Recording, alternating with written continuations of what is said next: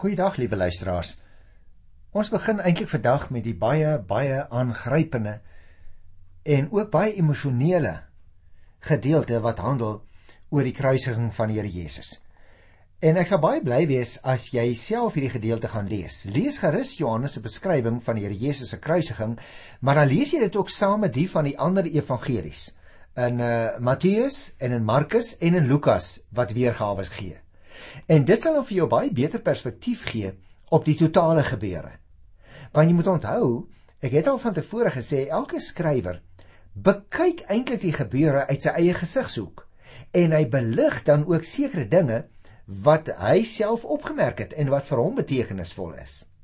Maar die kerninterpretasie by almal is dieselfde. Die Here Jesus het aan die kruis gesterf as die gestuurde van die Vader sodat jy en ek vergifnis van ons sondes kan ontvang en dat ons die ewige lewe kan beerwe en dit alles uit genade. Ek begin dan dadelik by uh, die evangelie volgens Johannes se beskrywing waarmee ons besig is, hoofstuk 19, luister na vers 17. Jesus het self sy kruis gedra en uitgegaan na Kobbeen plek toe, soos dit genoem is in Hebreëus Golgotha. Dit word deur al die evangeliste duidelik beklemtoon dat die Here Jesus self die dwarsbalk of die kruis waaraan hy later vasgespryker sou word en wat dan as 'n permanent ingeplante vertikale stuk hout daar sou staan vasgemaak is. Jy sien liewe luisteraar, die plek van kruisiging was natuurlik, soos ek in verlede keer se program verduidelik het, buitekant die stadsmure geleë juis omdat dit as 'n onrein plek beskou is. Dis nagies Kobbeen plek, in Hebreëus dan Golgotha, is waarskynlik so genoem na die vorm van die plek. Die Kobbeen plek. En dit is belangrik dat ons dit van daardie plek sal onthou, was buitekant Jerusalem, sigbaar vanaf die hoofpad. En dit is vir ons baie belangrik. En so jy sien, doodvonnisse is dikwels daar voltrek sodat dit as 'n voorbeeld vir al die mense wat met die pad verbygaan kon dien. Dit moes hulle 'n bietjie afskrik. Dit moes hulle bang maak ook hierdie klomp Jode vir die Romeinse owerheid wat oor hulle gestel is. Julle moet met ander woorde nie kans vat nie. Kyk net wat kan gebeur. En dit is natuurlik juis daaroor waarom die Here Jesus langs die pad buitekant die stad gekruisig is op dan 'n plek wat wat die Jode betref 'n vervloekte plek was. Vers 18 sê daar het hom gekruisig en saam met hom twee ander, een aan elke kant met Jesus in die middel. Dis vir ons baie duidelik uit hierdie 18de vers. Daar het die Romeinse soldate die Here Jesus gekruisig. Nou wat beteken dit luisteraars as jy gekruisig is? Jou klere is uitgetrek. Die gewrigte is vasgespijker aan die dwarsbalk. Soms is dit ook met 'n riem vasgemaak sodat die swaar gewig van die liggaam nie die liggaam kon aftrek ondertoe en dan trek die spykers deur die handpalms en dan val die liggaam af nie. Daarom het hulle ook soms so armsalig persoon met rieme vasgemaak en nie net met spykers nie. Sy voete natuurlik het nie op die grond gerus nie. Somstyds sommige van die uh, kruise het ook 'n klein sitplekkie gehad Met ander woorde, dit het net gedien as 'n stutpunt sodat die liggaam nie maklik in die rigting van die grond sou val nie. Een van die groot probleme was natuurlik bloedsirkulasie. Want die bloed kon baie moeilik deurkom as jy rieme gebind het rondom die handpalms en ook natuurlik om die enkels. Dan was daar ook nog die oop wonde ander probleem was dat so 'n persoon baie maklik aan long- en hartversaking kon ly. Van die liggaam is as 'n ware oop gespalk, die liggaamsbeweging word dus in 'n groot mate belemmer. En daarom was kruisiging 'n geweldig folterende en 'n vernederende dood. Saam met die Here Jesus, vertel vers 18, is daar ook nog twee ander gekruisig, een aan elke kant. Jy kan ook gaan kyk in Markus 15 by vers 27 daar word dit juis ook vir ons beklemtoon. Ons moet miskien ook 'n gedagte hou, liewe luisteraars, dat kruisiging 'n baie tipiese Romeinse vorm van doodstraf was. En die veroordeeldes moes die dwarsbalk, soos wat ek net nou verduidelik het, al langs die hoofpad op sy skouers dra tot uiteindelik by die kruisigingsplek wat dan die afskrikmiddel vir die verbygaande mense was en dit was 'n geweldige vernederende maar ook soos ek nou net probeer verduidelik het 'n geweldig folterende gebeurtenis waaraan die Here Jesus onderwerp is. In die 19de vers lees ons Pilatus het ook 'n opskrif geskrywe en dit aan die kruis gesit. Daar het geskrywe staan Jesus van Nasaret, die koning van die Jode. Nou volgens die gebruik wat destyds algemeen in swang was, is die soort misdaad waarvoor iemand gekruisig is in die openbaar bekend gemaak. En dit was dan juis bedoel as 'n afskrikmiddel. En nou het Pilatus spesifiek die klag laat skrywe as 'n misdaad op die klein bordjie bo aan die kruis. Jesus van Nasaret, die koning van die Jode. Ek het vir jou verduidelik dat dit een van die tipe kruise was en ons weet nou dat die Here Jesus nie aan 'n T-vormige kruis nie, ook nie aan 'n X-vormige kruis nie, maar aan die soort kruis waarvan die regopbalk uitgesteek het bo kan die dwarsbalk gehang het. En ons weet dit omdat hier sprake is van 'n bordjie wat bo aan die kruis aangebring is. En hierdie opskrif moes dan as 'n afskrikmiddel dien juis vir die Jode. Ek dink dit is belangrik dat ons op hierdie stadium ook vir mekaar sal sê, liewe luisteraar, dat die Here Jesus se dood en sy opstanding sou vir die Satan die finale nekslag wees en sy enigste en sy ewige gesag oor die aarde waaroor Jesus alleen beskik bevestig.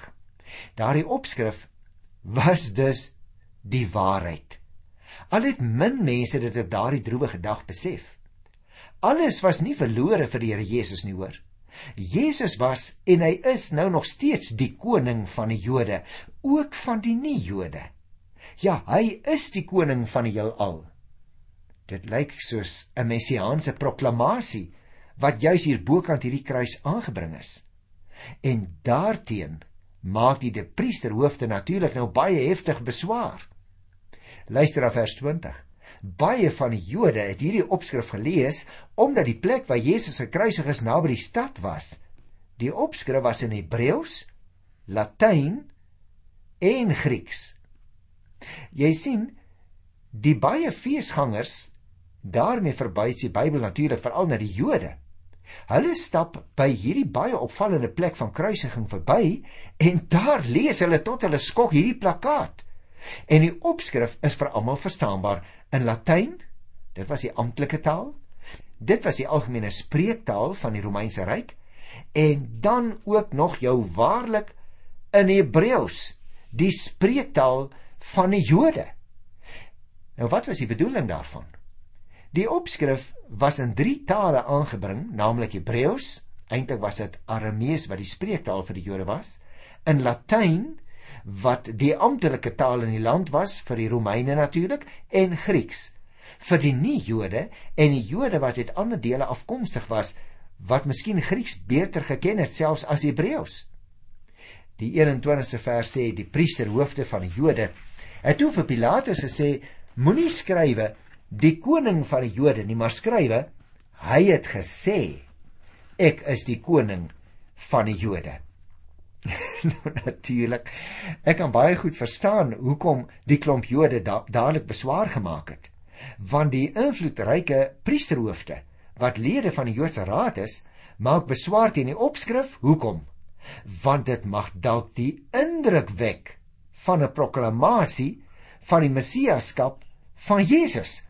En dit wil hulle natuurlik ten alle koste probeer vermy, want hulle erken Here Jesus natuurlik nie vir wie hy is nie.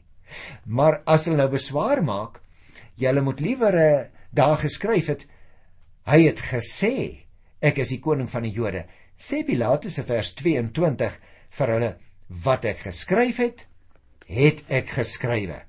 Jy sien, Pilatus volstaan doodgewoon met die geskrewe opskrif omdat dit die korrekte rede is vir die kruisiging. En daarmee tussen hakies, liewe luisteraar, rap sy eintlik die priesterhoofde en spreek hy by wyse van interpretasie 'n bedekte geloofsbelijdenis uit wat die kern van die verkondigde evangelie sal uitmaak. Vers 23 sê en toe toe die soldate Jesus dan gekruisig het, het hulle sy boklere gevat en dit in vier dele verdeel vir elke soldaat 'n deel. Hulle het ook sy onderkleed gevat. Dit was sonder naad van bo af in een stuk geweef. Ag, die vier Romeinse soldate wat die kruisiging moes waarneem, was volgens gebruik geregtig op die persoonlike besittings van die gekruisigde. En daarom, daarom verdeel hulle Jesus se boklere in vier dele. Maar die onderkleed wat onder die ander klere gedra is destyds, was natuurlik in een stuk geweef, soos ons nou ook net hier gelees het. Slegs met splete vir die kop en die arms, maar sonder enige nate. En die hoë priesters tussen hakies luisteraars het ook so 'n kleed gedra in een stuk geweef. Gaan lees gerus maar in Eksodus 28 by vers 31 en 32 want dit is baie interessante gegevens wat dus vir ons kan laat verstaan waarom die Hebreër skrywer later in die geskiedenis sê hy is ons hoë priester. Hy het selfs 'n onderkleed geweef in een stuk soos wat die hoë priester gedra het. So het Jesus ook aangetrek. Luister na vers 24. Hulle sê toe vir mekaar: Ons moet dit nie skeur nie. Kom ons lood wie dit moet kry. En nou merk Johannes hierdie aanmerking hier in die Bybel. Dit het gebeur sodat die skrif vervul kan word waar dit sê, hulle het my klere onder mekaar verdeel en vir my kleed het hulle geloot. Dit is skryf Johannes nou by. Dit is wat die soldate gedoen het. Jy sien liewe luisteraar, hierdie vier soldate besef natuurlik dadelik die waarde van hierdie besondere onderkleed en hulle plaas dit in plaas van dit te skeur, trek hulle toe liewe loetjies daaroor. En nou merk Johannes juis hierdie spesifieke opmerking uit Psalm 22 vers 19 aan. Dit gaan nou in vervulling. Oor hulle klere het hulle die lot gewerp. Jy sien ook die soldate het dus ingepas by die vervulling van die goddelike plan met betrekking tot die Here Jesus se bestemming. Dit was naamlik gebruik dat die Romeinse soldate wat die misdadigers moes kruisig, die dooie se persoonlike besittings onder mekaar kon verdeel. En daarom het hulle toe ook die Here Jesus se klere verdeel. Maar hulle het loetjies getrek oor sy aaneengeweefde onderkleed, want dit was die waardevolste van al die kledingstukke. En daardeur het hulle onwetend deel gekry aan die vervulling van Psalm 22.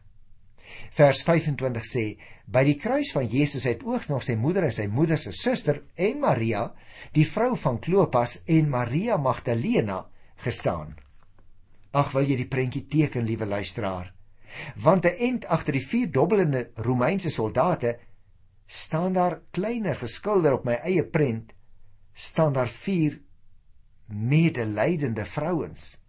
Jesus se moeder, Maria, die vrou van Klopas, Maria wat van Magdala afgekom het.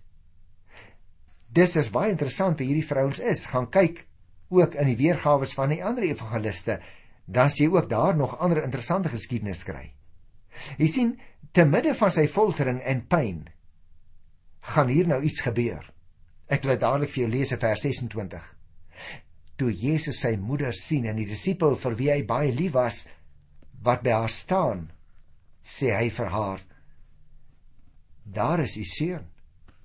Jy sien, te midde van sy folterende pyn, merk hy sy moeder op.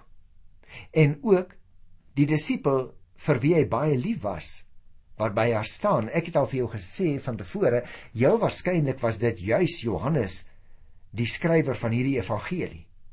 En nou spreek hy sy moeder beleefd aan en hy sê vir haar: daar is u seun. Hoekom sou Jesus dit sê? daarmee bedoel hy natuurlik dat die lieflingsdisipel van nou af sy plek moet inneem as Maria se beskermer en haar versorger. En daarna sê hy vir die disipel: "Daar is jou moeder." Liewe luisteraar, daar is jou moeder. Dieselfde woordjie bevestig dit aan hierdie disipel. Daar is jou seun en daar is jou moeder. Hierdie verantwoordelikheid moet Johannes nou vir Maria aanvaar. En van daardie dag af is die disipel wat Jesus beskryf elke keer as die lieflingsdisipel aan haar sorg toevertrou. Hy moes vir haar onderdak gee. Maar hy moes ook verantwoordelikheid aanvaar vir haar versorging. En so is die lieveling disipel uiteindelik 'n toonbeeld van ideale Christen navolger. Vier dobbelende soldate. Vier huilende vroue. Die eerste vier het gekom uit plig. Die ander vier het gekom uit deernis. O, die Here Jesus was selfs in sy sterwensoomblikke oor sy gesinslede begaan. En daarom het hy as oudste seun vir Johannes gevra om na sy moeder om te sien. Hy bly so in beheer van die situasie dat hy nog aandag bly gee ook aan hierdie klein dingetjies. Dit is vir die Here Jesus belangrik. Luister na vers 28 en die opskrif in ons teks is Jesus sterwe. Hierna het Jesus met die wete dat alles klaar volbring is en sodat die skrif vervul sou word, gesê: Ek het dors. Nou wat sou dit beteken? Aangesien die Here Jesus natuurlik ten volle in beheer van die situasie is, het hy met die besef dat sy werk afgehandel is en dat die einde nou hier aangebreek gesê ek het dors. Dit gebeur ook weer as 'n vervulling van dit wat gesê is aangaande die Here Jesus as gesant van die Vader in die skrifte van tevore. Gaan lees gerus maar in Psalm 69 by die 22ste vers. Nou vers 29. Daar het 'n kan vol suurwyn gestaan Die soldate het toe 'n spons vol suurwyn op 'n hisoptakkie gesit en dit teen sy mond gedruk. Wat sou dit beteken? Met die oog op die gebruik by die kruistoneel was daar natuurlik nou 'n kan vol goedkoop wyn, baie suur, maar tog aan die ander kant weer verfrissend en deur die massas gedrink. Die Romeinse soldate lees ons nou, maak toe Jesus se lippe nat met 'n spons wat in die suurwyn gedoop is en hulle gebruik daarvoor 'n hisop takkie. Soortgelyke takkies, liewe luisteraars, is natuurlik by die Paasfees gebruik ook in ander omstandighede. En hierdie kan suurwyn met die goedkoopste wyn wat die Romeinse soldate gedrink het terwyl hulle gewag het dat die gekruisigdes moet sterf. Dit word nou met hierdie hisop takkie aan die Here Jesus se lippe gesmeer. Luister vers 30. Nadat Jesus die suurwyn gekry het, het hy gesê: "Dit is volbring." Toe het hy sy kop vooroor laat sak en die laaste asem uitgeblaas. O, het jy die aangrypende ding opgemerk in die Bybel, liewe luisteraars?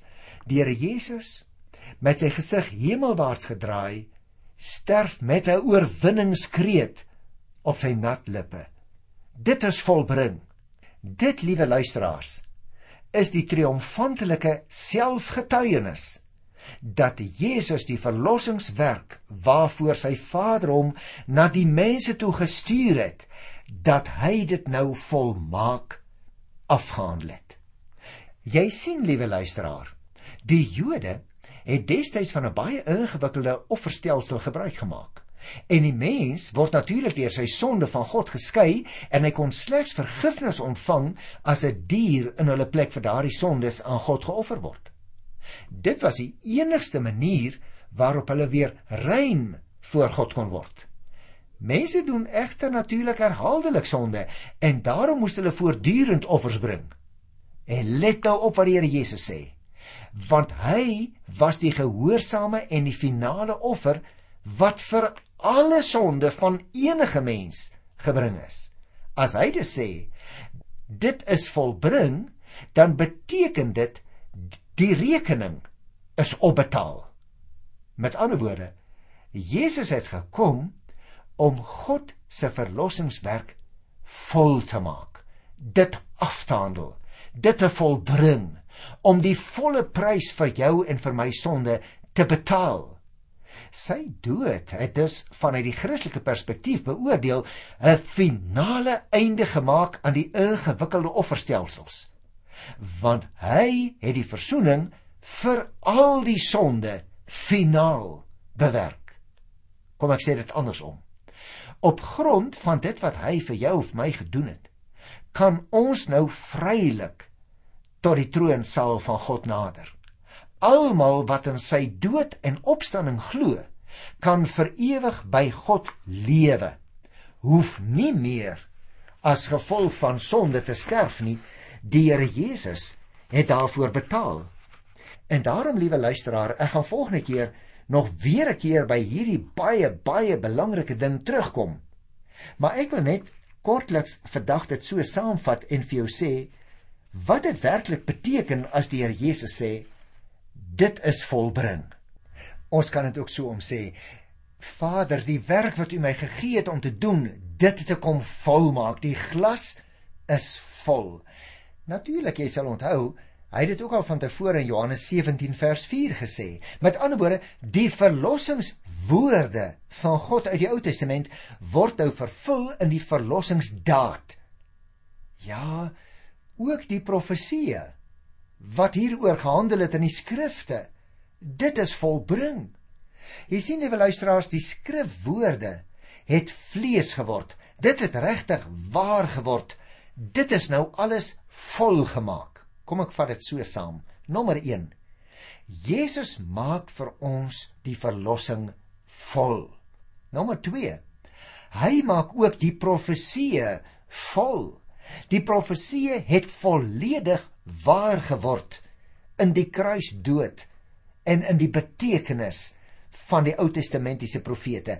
Nou gaan daar nog net een ding oorbly. En dit sal die opstanding wees. Want jy sien, liewe broer en suster, as die Here Jesus nie opgestaan het nie, dan sou ook sy kruisdood verniet gewees het. En ek wil vandag vir jou dit sê met die gesag van die hemel omdat dit in die woord van die Here opgeteken is. Liewe luisteraar, wil jy dit nie by hernuwing vir jouself toeëis nie? En vir jou wat dit dalk nog nie aangeneem het nie, dit is die goeie nuus die Here Jesus het vir jou betaal, volledig betaal. Jy hoef niks anders by te voeg nie. Dit is volbring. Die beker is vol. Die enigste wat nou nog sou oorbly in hierdie donker gebeure, liewe broer en suster, luisteraar. Dit is die opstanding. Mag ek met 'n baie kort verhaaltjie afsluit in my laaste minuut? was jy al by as 'n baie geliefde en 'n baie bekwame skoolhoof aftree na baie jare. Dan sê hy eintlik vir die mense, my dagtaak is nou agter die rug. Die son lê laag in die weste. Maar baie baie dankie vir wat julle vir my gedoen het. Liewe luisteraar, hier gebied gebeur iets heeltemal anders. Here Jesus lê die tuig neer maar nie om verder te loop nie. Sy lewe het op 'n einde gekom. Hy het vollediglik alles gedoen waarvoor sy Vader hom gestuur het. Hy het sy taak afgehandel. Niemand kan vir hom vra kom los net weer vir ons 'n bietjie af nie. Jesus het die verlossingswerk volbring. Anders as die van 'n skoolhoof se taak omdat dit volbring is is jy en ek met God versoen. En op hierdie wonderlike noot groet ek jou in die naam van die wonderlikste wonderlikste koning Jesus die gekruisigde. Tot volgende keer. Totsiens.